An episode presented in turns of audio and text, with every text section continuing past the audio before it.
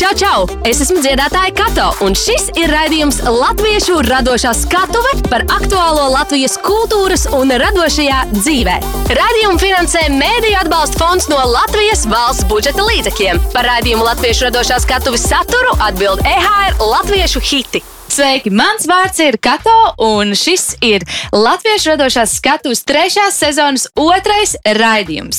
Mēs tiekamies ar dažādiem kultūras un radošo industriju pārstāvjiem, lai runātu par nozares aktualitātēm, izaicinājumiem un nākotnes iespējām.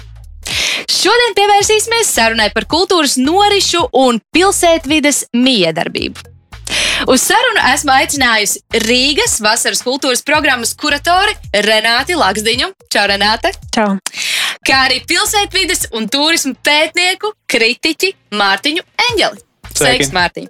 Katrs savā veidā, bet uh, jūs abi esat cieši saistīti gan ar kultūru, gan ar uh, pilsētvidi. Pastāstiet, lūdzu, nedaudz par sevi un uh, jūsu saikni ar kultūru un pilsētām. Mārtiņ! Būtībā es strādāju gan ar kultūru, gan ar pilsētu, gan ar turismu pēdējos 15 gadus. Pirmie pieci gadi bija kultūra, iegūta grādu mākslās, strādāja dažādās institūcijās, Rīgas C un Latvijā mākslas centrā. Nākamie pieci gadi bija um, turisms arī ieguva grādu un daudz vairāk arī pieslēdzos tieši kritikai. Un, un tad no tās turisma kritikas tas viss aizgāja uz pilsētvidi un pilsētvidas izpēti un pilsētvidas kritiku un, un, un, un daudz rakstīja par to tēmu. Šobrīd grāda vēl nav, bet varbūt, kad būs vēl trešais grāds, tā kā redzēs. Renāti, kā ar tevi? Man vienkārši es, eh, es strādāju pilsētā un es organizēju kultūras programmu. Visas manas saistības ar to arī parādās manā amata nosaukumā. Bet, eh, jā, es strādāju Rīgas pilsētā jau gandrīz divus gadus tieši ar kultūras, eh, kultūras notikumiem, kultūras stratēģijām. Pārsvarā tas mans interesu lokus arī ir par pilsētas vidas un sabiedrības teikt, mainīšanu vai uzlabošanu caur kultūru kā rīku. Pilsētās ir jauda. Jūs piekrītat vai ne šādam apgalvojumam? Jā. Tas ir garaktīvas, eh, viņas ir dinamiskas un eh, tajās eh, koncentrējas lieli ekonomiskie resursi, aktivitāte un arī cilvēku daudzums, kas nozīmē tikai vienu. Pilsētām ir milzīga nozīme un tās atstāja lielu ietekmi jebkurā pasaules malā. Kas, jūsuprāt, veido progresīvo pilsētu, kurā ir patīkami un forši dzīvot, pavadīt brīvo laiku un strādāt? Mūsdienu progresīva pilsēta. Jā. Nu, es domāju, ka Renāta arī piekritīs, ka viens no galvenajiem aspektiem ir, ir ekoloģiska pilsēta. Kas ir šis Eiropas zaļais kurs, kas ir ilgspēja, kas ir daudz suku pilsēta, daudz koku parku, zaļumu, tas viss ir pieejams. Un, un protams, nu, mazāk automašīnu, vairāk sabiedriskā transporta, infrastruktūras, zaļiem transporta veidiem. Nu, tas noteikti ir, tā ir viena progresīva pilsētas sastāvdaļa mūsdienās. Un otrs varētu būt, manuprāt, tas cilvēciskais mērogs. Progresīva pilsēta skatās uz cilvēku nu, tajos, tajās cilvēku dimensijās. Tātad mums ir viss sasniedzams ar kājām. Mēs domājam uh, par to, lai cilvēks labi justos, viņš būtu veselīgs, um, nav augstceltnes, kas nomāca cilvēku. Mēs sākam domāt uh, par pilsētvidi no cilvēka skatu punkta. Es laikam varētu papildināt, liekas, no cilvēka skatu punkta, bet progresīva pilsēta, man liekas, vienkārši ir pilsēta, kas ir radīta uh, cilvēkam un kurā dzīvo aktīvi cilvēki. Man liekas, uh, cilvēku daudzums vai mazums arī ļoti izšķir uh, to, kāda pilsēta ir. Varbūt jūs varat minēt, kādas ir jūsu mīļākās pasaules pilsētas? Un kāpēc tās ir pasaules mīļāko pilsētu sarakstā? Es esmu ārkārtīgi nepopulāra. Viena no mīļākajām pilsētām ir Ņujorka. Es arī pievienojos nepopulārajam viedoklim. Es, es laikam esmu vēl nepopulārāks un teikšu, ka man nav mīļākās pilsētas. Bet eh, Nu, es esmu kā cilvēks, vispār man ir ļoti grūti ar autoritātēm. Bet, ja kādam veids labāk, vai kāds kaut ko dara labāk, es vienmēr skatos uz to kā uz mērķi.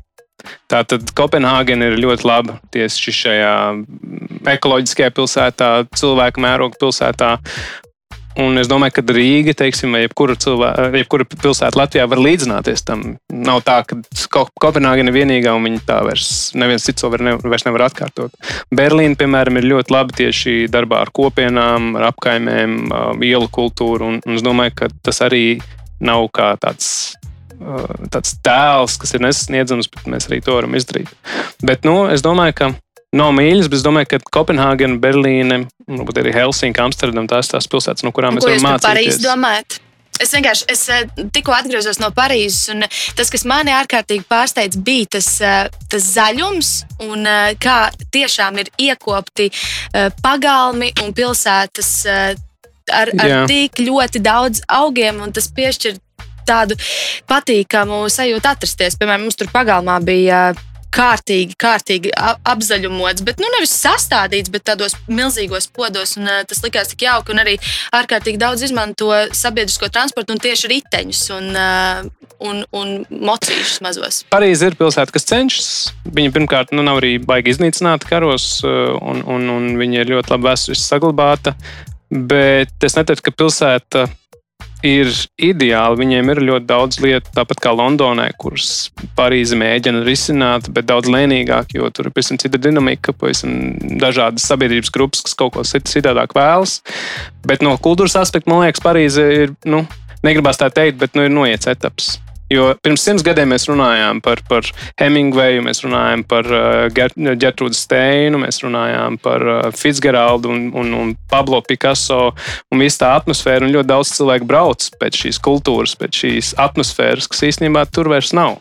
Es nezinu, varbūt tu esi atradis šo atmosfēru, bet man nekad nav bijusi iespēja to tā izbaudīt. Viedokļi, manuprāt, dalās uh, par Parīzi. Jā, nu, jā bet, tas, bet, tas bet, bet jebkurā gadījumā es domāju, ka Parīze ir labs piemērs no tā, ka viņi mainās.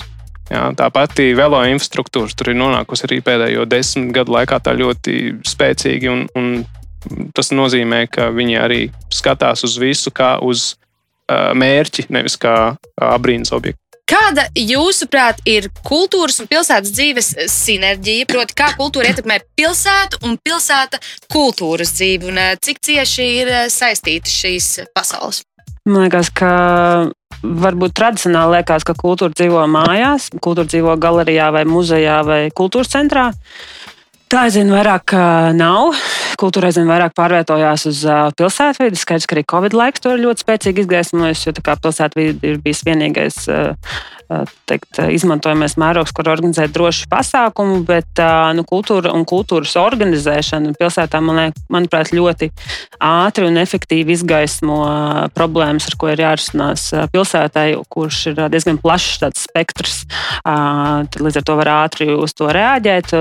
Tāpēc es tieši uzstāju par to kultūras izmantošanu. Man liekas, ka pilsēta ir milzīgs, tas varbūt tā klišejiski teikt, bet nu, iedvesmas avots, nu, ņemot vērā visu sociālo un arhitektonisko un vispār to dinamiku, ko piedāvā pilsēta. Kā, man liekas, tas jau pilsētas jau izsens ir bijuši arī iedvesmu avots ļoti daudziem māksliniekiem.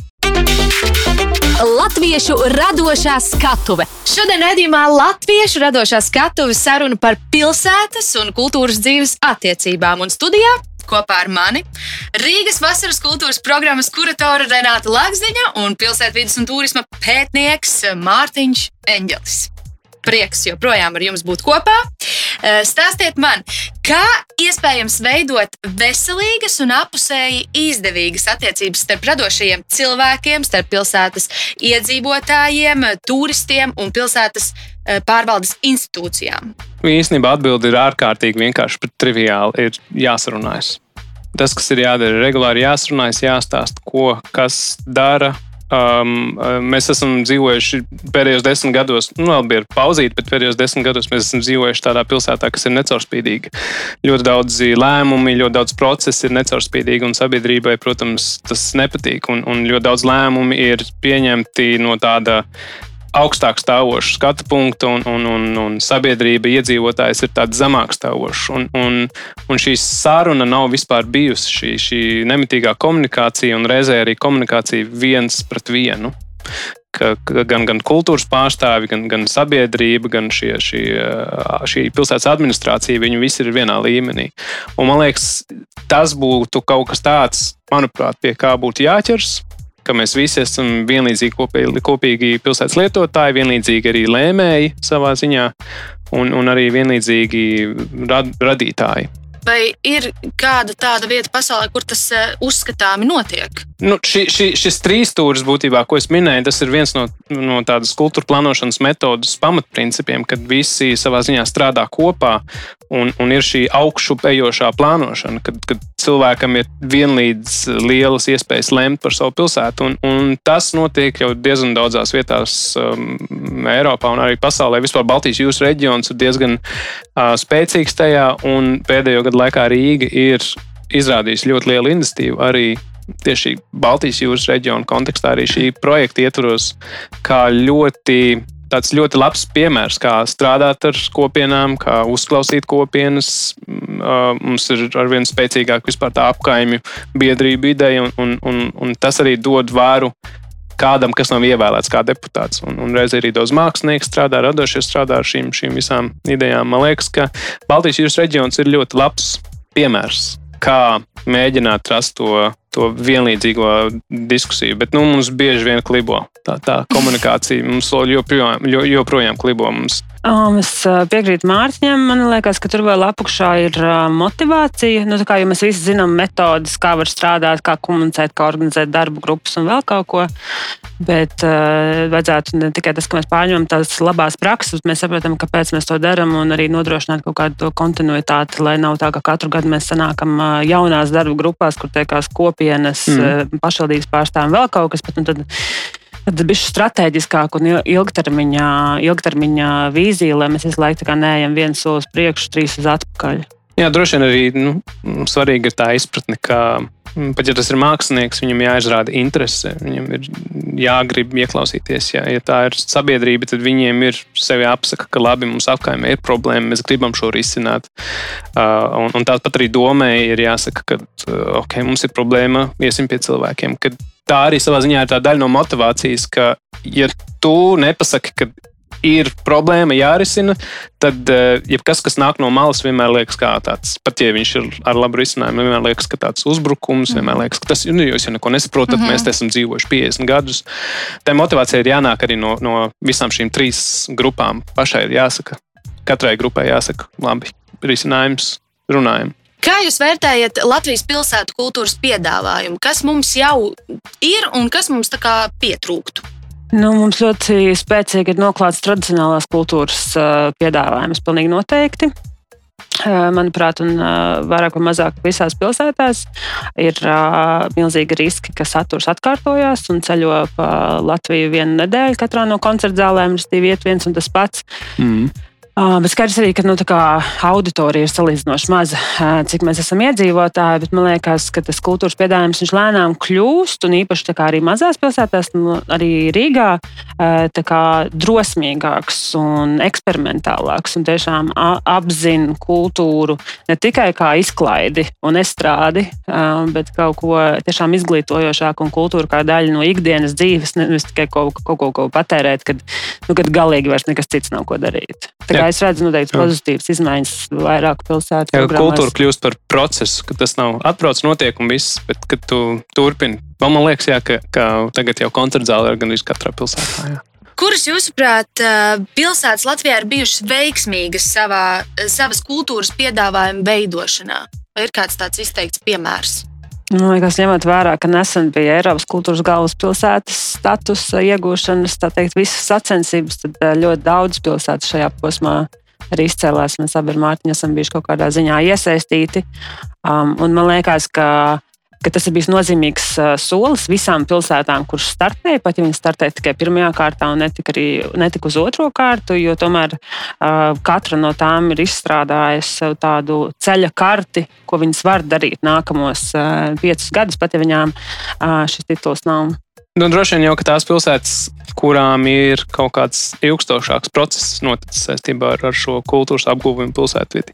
Nu, tās ir attiecīgi droši vien Liepāja, Vēnspils, Kuldīga, pēc tam iespējams Jālgava, Valmiera, Rīga, protams, Jūrmala.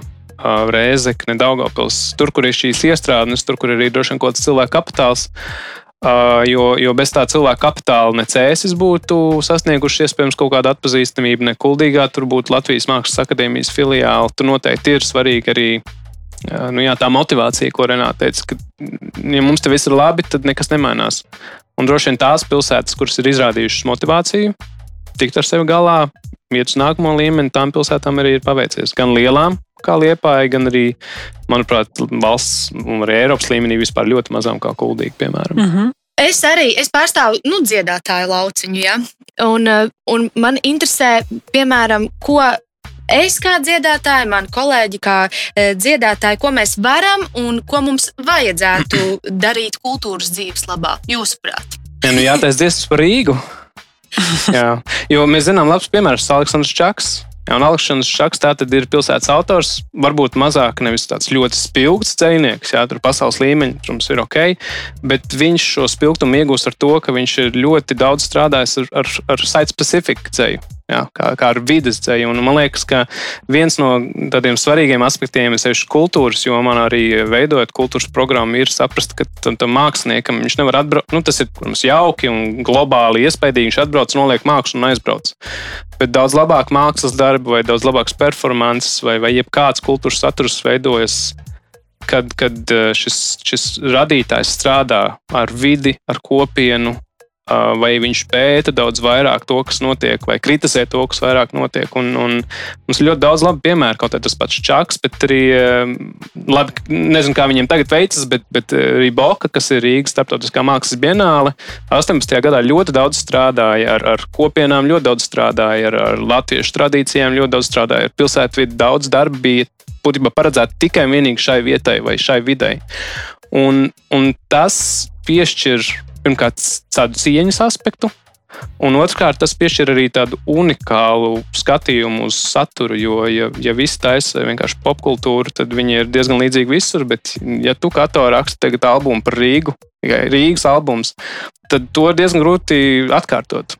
Un, un, un tajā mirklī arī iespējams mēs varam kaut ko, kas, atrast kaut ko, kas ir zem tā deķa apakšā, kaut kādas tādas nianses, specifiskas paralēlas dzīves. Ļoti labs piemērs vispār ir kalendārs man sauc, kas ir grāmata par kaut kādu pilsētu. Mēs zinām, ka šī pilsēta ir tālsi. Un, un ja šī pilsēta būtu kaut kāda pilsēta bez kaut kāda abstrakta, bez nekādas tādas piesaistītas sajūtas, vai Jālgauda 94, mums, mums neliktos viņa tik īpaša. Bet tajā mirklī, kad mēs runājam par konkrētu vietu, konkrētiem cilvēkiem, iespējams par konkrētām atmiņām, tad uh, lasīt šīs grāmatas ir daudz citādāk. Uh, mēs viņus sajūtam daudz labāk, un, un droši vien arī tā gan Jālgaunieku, gan tālsnieku attieksme par to ir, ir, ir daudz siltāka. Un man liekas, tas ļoti pietrūkst kultūras vidē. Es laikam piebilstu, pilnīgi nesaistīti. Ne, ne par saturu. Man liekas, ka muzeķiem un dziedātājiem bez dziedāšanas viņiem ir jāpašorganizējās, jāsaliedējās un jāiestājās par kultūras darbinieku tiesībām. Man liekas, ka kopumā kultūras nozarei ir vairāk savā starpā jāstrādājas kopā, jāvienojās arotbiedrībās, asociācijās, komijā un jāpārstāv savas vērtības kolektīvi. Tātad no šī mēs secinām, ka mums ir jāsarunājas un visiem ir jānāk kopā, un, jā, un kopā, tikai kopā ir iespējams izdarīt lielas lietas. Latviešu radošā skatuve. Šodien sarunājamies ar Rīgas vasaras kultūras programmas kuratoru Renātu Laksdiņu un pilsētvides un turismu pētnieku Mārtiņu Eņģeli. Pēdējos gados, kā jūs minējāt, kultūras dzīve Rīgā mainās. Un, Renāta, vai tu vari izstāstīt, kas īsti notiek un kas ir tie jaunie virzieni, uz kuriem pilsētā tiek strādāts šobrīd? Nu, šobrīd tiek strādāts pie ļoti daudz virzienu. Nu, labi, vairāk pie, tieši pie viena, bet šobrīd ļoti daudz kas notiek. Jo tad uh, priecīgais tā, ka Covid kaut kādā ziņā ir pieramies uz mirkli kaut vai, bet ir pieramies. Tad vispār ir iespējas plānot kultūras programmu, kas ir tāda, respektīvi, ja piemēram pagājušajā gadā, ja teiksim, bija 2019. gads, kad mums bija tradicionāli skatīsimies lielākiem notikumiem Rīgas svētki, trīs dienas krastmalā ar galveno notikumu vienu dienu. Tad pēc tam mums bija Covid gadi, kad apmēram kultūras pasākumus vajadzēja slēpt no cilvēkiem, ja kāds uzdūrās virsū pasākumu. Tad tā bija veiksme. Principā viņas nevarēja izziņot, jo bija ārkārtīgi liela. Kā, tas hibrīda stāvoklis ar pasākumiem tajā mirklī bija tik ļoti grūti noproducējams, nu, ka tas bija sarežģīti. Nu, tad šogad mēs esam atgriezušies vai veid, izveidojuši tādu mūsuprāt vienu no ideāliem formātiem, kas ir vasaras programma visas vasaras garumā. Nu, šogad tie ir divi mēneši, bet potenciāli nākotnē tie tas var būt arī ilgāks laika periods, kas ir, ka mēs, ka Rīgas svētki kā mēs sakām, izplatās laikā un telpā. Tātad mēs neesam tikai centrā, mēs esam apkaimēs, mēs svinam nevis Rīgas svētkus, mēs svinam apkaimju svētkus. Pirms šogad ir seši svētki, un šogad arī tās ir īpašas apkaimes, kas ir viens no lielākajām, bet arī kur kā mēs runājam, ka kultūra var risināt daudzas problēmas, tad arī var risināt infrastruktūras problēmas, ar pievērst viņām uzmanību. Tad daudzas vietas, kur notiek pasākumi, ir tādas, kur nav pat tādas primitīvas lietas kā elektrības pieejamības vai vispār nav kultūras institūcija tūmā, kā piemēram pļaunieki, Nordeķu parks, Imants un tam līdzīgi. Tad mums ir seši apgājumi svētki, mums ir četri parki. Tad, runājot par pilsētvidu, mēs gribam iedzīvināt parkus kā potenciālu vietu, kur cilvēki tiešām var pavadīt laiku, nevis tikai iet cauri vai izvest suni, bet kur viņi var sauļoties, kur viņi var vingrot, kur viņi var nākt uz koncertu, kur viņi var piedalīties diskusijās. Un šogad, kas arī mums tā lielā tēma, tā ir drosme un prieks. Tātad viņi kopā, kolektīvi, kā mēs runājam, trenē arī savu drosmi un saņemties uzdrīkstēties. Tātad galvenais virziens ir decentralizēt, bet tur vienmēr ir tas risks, uz ko ir jāizlaipo, lai viņš nav pārāk fragmentēts, bet joprojām ļoti fokusēts. Tāpēc ir svarīgi arī, ka mums ir šis vienotais, vienotais nosaukums, vienotais manifests, vienotais mērķis. Kaut kā tas viss tiek savākts, ka tas ir Rīgas programma. Mārtiņ, kā tu vērtē, kā mainās Rīgas kultūras dzīve un vispār vai šīs pārmaiņas bija nepieciešamas? Uz labo laikam. Jā, tas ir uz, tas uz jau. Man bija eh, tas gods, un, un reizē arī droši vien kāds uz mani turēja ļaunu prātu, kad 15. un 16. gadā es arī diezgan daudz vērtēju pilsētas svētkus. Uh, nu, būtībā no 13. un 14. Kurs, kas ir kultūras galvaspilsētas gads, 15. un 16. Un, un tur iezīmējās tāda ļoti ļauna tradīcija. Būtībā visus pasākumus, visus notikumus, kas ir pilsētas svētkos, tiešām, jā, kā, kā Renātais trīs dienu laikā, koncentrēt tā saucamajos varas un naudas rajonos. Jeb tā ir vecrīga, bulvāra lokus, klusais centrs. Un, un visus šos gadus ar dažādām pārmaiņām, bet būtībā maksimums vienmēr bija 10% notikumu ārpus vecrīgas Bulvāra loka un klusā centra.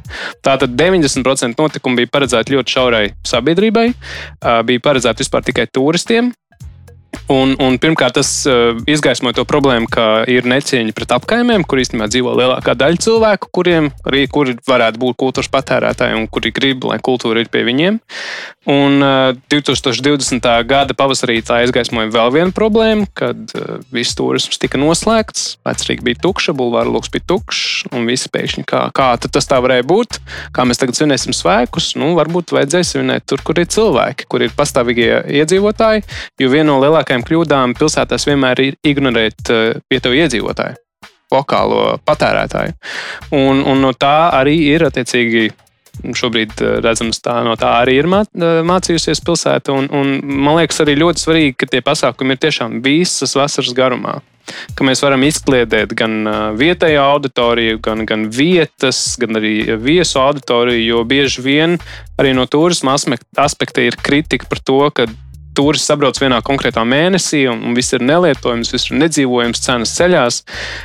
Un, un no tā zaudē gan varbūt šī, šī vecrīga vai centrs, kā, kā daļa no pilsētas, bet no tā zaudē arī iedzīvotāji.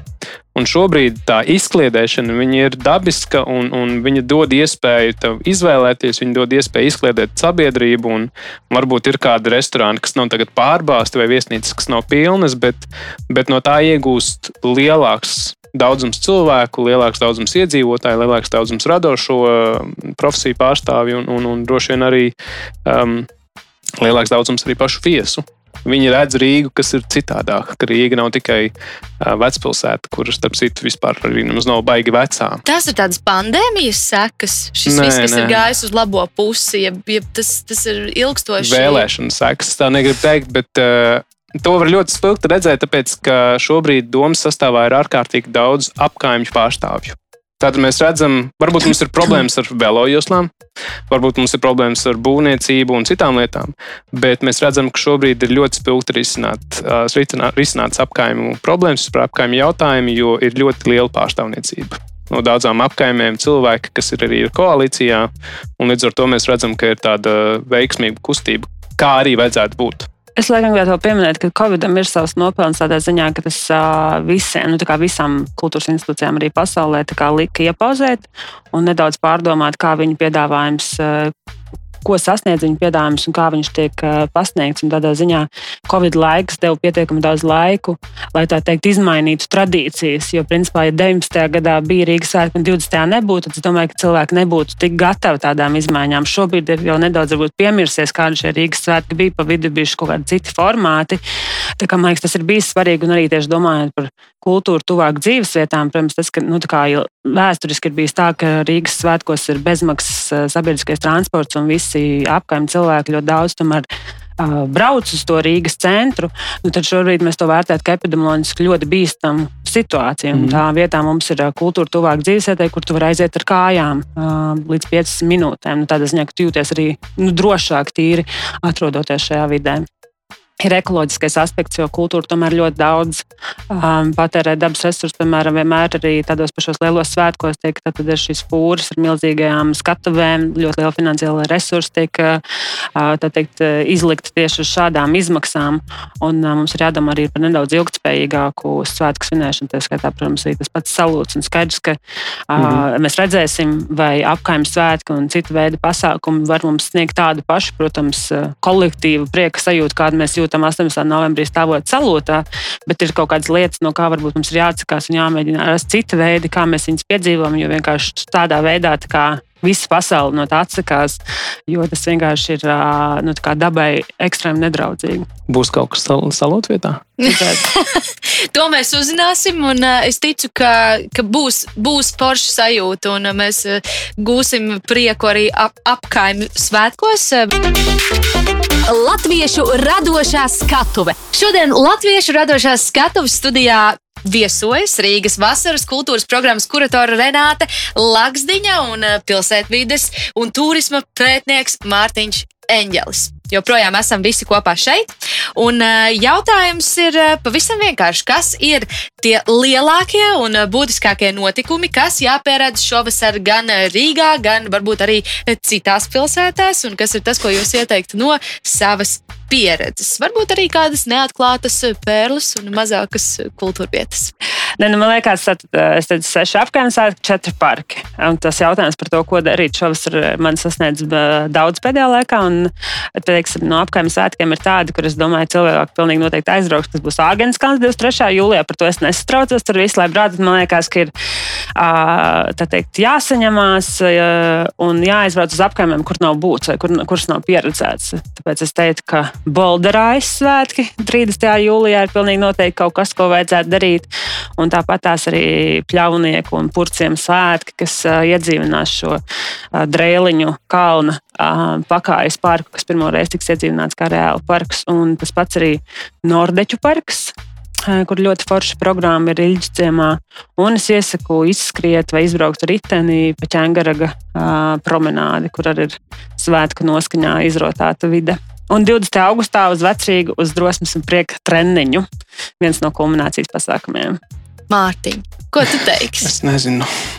ciemā. Un es iesaku izskriet vai izbraukt ar riteni pa ķēngaraga promenādi, kur arī ir svētku noskaņā izrotāta vide. Un 20. augustā uz vecrīgu uz drosmes un prieka treniņu. Viens no kulminācijas pasākumiem. Mārtiņ, ko tu teiksi? es nezinu. Braukt uz citām pilsētām.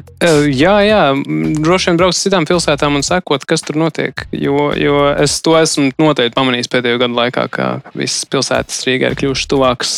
Ceļi ir ātrāki, vairāk cilvēku arī ir gatavi izbraukt ārā. Es nevaru nosaukt konkrētu pasākumu, un vairāk bieži vien pat interesē tādas mazākas lietiņas.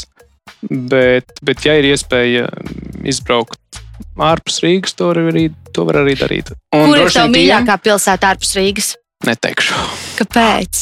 Es vienkārši domāju, tad, kad, tad, kad bija pandēmija. Es nezinu, kas man mīļākā pilsēta, ja godīgi. Es, es sev atbildēju. Patīk, kur tev patīk būt? Man liekas, viss ir atkarīgs no situācijas. Kad, kad tu vari katrā mēnesī izvēlēties savu mīļāko pilsētu vai savu mīļāko notikumu. Vai tu gribi mieru, vai tu gribi kņādu? Nu, jā, ja teiksim, tev interesē tā māksla vasarā, tad viena, ja tev interesē tā daba pilsētā, tad otra, ja tev interesē rudens vai pavasara notikumi, tad trešā. Nu, es neatbildēšu šo jautājumu. Jā. Būs. Ļoti žēl. Es jau domāju, kur es varētu vēl aizbraukt šajā vasarā vai jebkurā citā gada laikā. Jo man patīk braukt pa pilsētām un vienkārši tāpat aizbraukt un paskatīties. Un Jā. mēģināt saprast, kāpēc, kāpēc cilvēkiem tur patīk. Mēs skatām, tur aizbraukt uz alūksni. Redz, kā. Kas ir alūksnē? Kas tev visvairāk patīk alūksnē? Nu, pirmkārt, man vecāmam tur dzīvoja. Bet, ne, man liekas, ka alūksne ir ļoti kā, pēdējā laikā ar tādu konsistenci ir sevi attīstījusi. Tur ļoti daudz aktīvais turisms apkārt ezeram. Tur, man liekas, nesen ir atklāta arī jauna vēsturiska ekspozīcija sadarbībā ar HDV. Uh, biroju. Tā kā, man liekas, tur ir ļoti daudz ko darīt, un līdzīgi kā ar Bolderā. Tas ir kā liekas, kaut kāds tālais stūris, kāpēc tur braukt, ja tur kāds nedzīvo. Tāpēc man liekas, tieši mm. vajag braukt uz tām vietām, kuras, kas nav cēsis, Valmiera, Liepāja, Daugavpils, bet uh, braukt uz pretējā virzienā. Nu, Alūksne ir uh, vismaz labs piemērs no, no tā 24 stundu pilsētas vai 24 stundu galvenā aspekta. Tad, kad viss bija ciets, tad uh, ir šis atjaunotais Invaldos uh, pilsēta, dārsts ar skulptūrām un objektiem, un tad ir šis kalns, uz kuru mēs varam aiziet pa dziedošu tiltu, un tad ir tie HDV objekti. Un, un, un, un, un manuprāt, daudz, pils, daudz vairāk pilsētām būtu arī jādomā pie, jā, pie tā, kā nodrošināt patīkamu pieredzējumu auditorijai, kad viss ir ciets. Renāte, kur uh, visi interesanti var meklēt informāciju par šiem apkaimju svētkiem un dažā, dažādiem daudzveidīgiem notikumiem Rīgā? Nu, viens ir lieto Facebook, noteikti Rīgas lapa, eh, bet otrs ir mājaslapa vasara.rīga.lv. Visi dodamies uz vasara.rīga.lv un, eh, un dodamies arī uz apkaimju svētkiem. Kādai, jūsuprāt, nākotnē vajadzētu kļūt Rīgai un citām Latvijas pilsētām? Un kādas, jūsuprāt, ir mūsu kultūras nākotnes lielās iespējas? Nu, viens man liekas, ka tas arī Protams, kas mani interesē, ir uh, laikmatīgā kultūra. Ļoti bieži tiek saprasts, ka kā, tradicionālā kultūra un laikmatīgā kultūra ir kaut kāda absolūta pretstata. Ir divas nometnes, tas ir vai nu vai nu, un, ja ies vienā virzienā, tad otrs absolūti nomirs. Un uh, otrādāk. Uh, tad uh, man liekas, ka tā Latvijas uh, specifika vai unikalitāte varētu būt tiešām domāta par tradīcijām, par tradicionālo kultūru, bet pieejam ar laikmatīgiem formātiem, ar laikmatīgiem māksliniekiem, tā teikt, arī tā kā reflektēt un pārdefinēt. To man liekas, no tā mēs tikai um, iegūtu vairāk. Un tāpēc man liekas, es eh, ticu konceptuālā domāšanā, eh, stra kultūras stratēģijās, motivācijās, ilgtermiņa vīzijās par to, kur gribēs nokļūt. Jo skaidrs, ka pilsētas ir arī eh, birokrātiski aparāti. Tur nevar izmainīt trijās dienās kaut ko, un tāpēc ir jābūt pacietīgiem. Un, kā, piemēram, tiksim, ir šī vasaras kultūras programma šogad, tad mēs nevaram gaidīt rezultātus vai atmest roku šogad, ja mēs nedabūsim to, ko gribēs. Mums jāsaka pēc trijiem vai pieciem gadiem. Tāpēc man liekas, ir vērts teikt, ļoti strateģiski ar skaidriem mērķiem skatīties, kur gribās nonākt. Un es gribētu redzēt, lai tas, kur mēs nonākam, ir ar tādu starptautisku, konkurētspējīgu um, programmu. Katrai no šīm Eiropas kultūras galvaspilsētas kandidātu pilsētām vajadzētu uh, uztvert ļoti nopietni savu pieteikumu. Un, un vismaz liela daļa no tā, ko viņi ir ierakstījuši, gan pirmajā vai otrajā kārtā, ir īstenot. Jo, jo manuprāt, šī iespēja bija lieliska, lai sanāktu daudz dažādu cilvēku kopā un, un saprastu, kāda varētu būt tā kultūras stratēģija, kāda varētu būt risinājumi, ko kaut ko mainīt. Un pat ja tas liekas neiespējami, uh, tagad, pēc 3, 5, 27. gadā, viss būs pavisam citādāk. Tas būtu pirmais, kas būtu jādara visam šīm deviņām pilsētām. Tas tāds tā pirmā lieta. Un otra, manuprāt, ka ļoti daudz visām Latvijas pilsētām būtu jāņem nedaudz vērā, varbūt nevis tas, ko nozīmē vēsturiski Bauhaus, bet ko šobrīd apzīmē šis jaunais Eiropas Bauhaus. Šī kustība, šī filozofija, kas ietver sevī trīs vārdus, kas ir skaists, kas ir ilgspējīgs un kas ir kopīgs. Un, un man liekas, šīs trīs lietas katrai pilsētai būtu jāņem vērā, gan veidojot kopīgu tēlu, kā šīs pilsētas sevi reprezentē, gan otrs domājot gan par jā, ilgspējīgām kultūras stratēģijām, mums, vai, vai mārketinga stratēģijām, ka mums ir viens video, un tad nu visi brauks Jā, vai mums ir viens pasākums, un tad nu, viss notiks, viss būs atrisināts. Nē, mums ir jāturpina, jāpelina lēnā, lēnāk arī tā kultūra tajā vidē. Un trešais noteikti jā, tas darbs ar kopienām. Ka, un, un šajā, šajā gadījumā darbs ar kopienām arī ir tas, ko es minēju. Tā, kultūras vidas iedzīvotāju un, un arī pārvaldes, tā vienlīdzība, sarunāšanās, sanākšana kopā tas būtu mans vēlējums Latvijas pilsētām. Jā. Ņemt vērā to, ko viņi ir saražojuši kultūras galvaspilsētas kontekstā, un ņemt vērā šo, šo pilsētu kā skaistu, veselīgu vidi, ilgspējīgu vidi un kopīgu vidi. Es laikam gribētu pieminēt uh, ambīcijas. Man liekas, ka latviešiem vajadzētu būt uh, ambiciozākiem. Un ambiciozs nenozīmē uzreiz taisīt kaut ko lielu un dārgu, bet domāt lielas, neiespējamas vīzijas un iet ar tām uz priekšu. Milzīgs paldies jums par sarunu. Ar, kopā, kopā ar jums biju es, raidījuma vadītāja Kato. Un studijā viesojās Rīgas vasaras kultūras programmas kuratora Renāta Laksdiņa un pilsētvidas un turisma pētnieks Mārtiņš Eņģelis. Uz tikšanos jau nākamajā Latviešu radošā skatu raidījumā. Atā! Tu klausies raidījumu Latviešu radošā skatuve ar dziedātāju Kato. Tiekamies katru ceturtdienu, septiņos vakarā Latviešu hītu radio viļņos, lai uzzinātu vairāk par aktuālo Latvijas kultūras un radošajā dzīvē. Podkāstu ierakstus meklē EHR mājaslapā, aplikācijā, YouTube un Spotify. Radījumu finansē Mēdīļu atbalsta fonds no Latvijas valsts budžeta līdzekļiem. Par raidījumu Latviešu radošā skatuves saturu atbild EHR Latviešu hiti.